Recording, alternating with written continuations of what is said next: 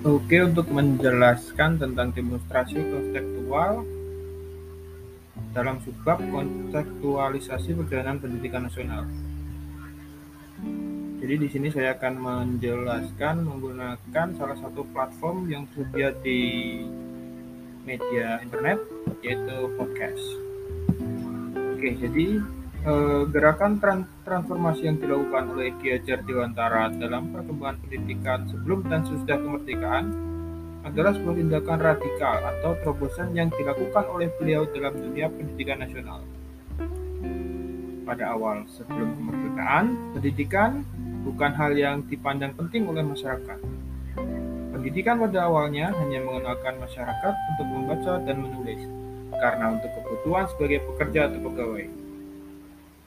Hal inilah yang menjadi salah satu penyebab perubahan yang terjadi dalam dunia pendidikan nasional. Pada tahun 1920, dibangunlah Taman Siswa. Pembangunan Taman Siswa ini bertujuan untuk memperbaiki kualitas sumber daya manusia bangsa di Indonesia. Dalam penerapannya, di awal sebelum kemerdekaan masih menganut sistem yang dibawa oleh pemerintah kolonial dalam hal ini Belanda, pada masa itu.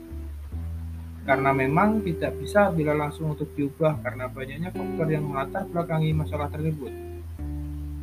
Yang kita tahu bahwa tenaga pendidik pada zaman dahulu adalah lulusan dari sekolah-sekolah yang didirikan oleh pemerintahan kolonial. Sehingga akan susah untuk mengubah mindset yang sudah mengakar pada kehidupan masyarakat Indonesia.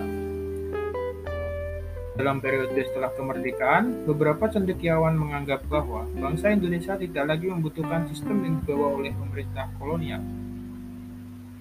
Para cendekiawan beranggapan bahwa bangsa yang merdeka harus lepas dari segala bentuk kolonialisme yang telah ada, termasuk dalam hal pendidikan. Namun, dalam pidato yang disampaikan oleh Ki Hajar Dewantara, Beliau mengatakan bahwa bangsa Indonesia tidak harus terlalu anti dengan sistem yang telah dibawa oleh pemerintah kolonial.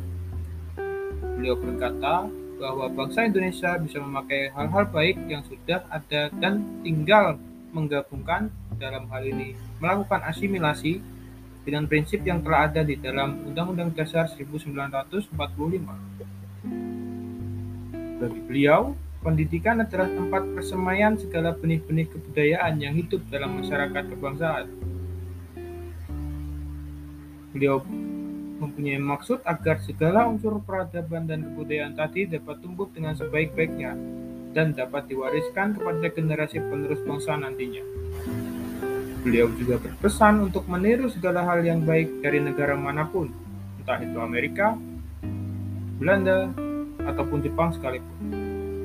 Beliau menambahkan untuk mengambil sifat-sifat dasar yang ada di seluruh dunia yang dapat berkembang atau memperkaya kebudayaan nasional.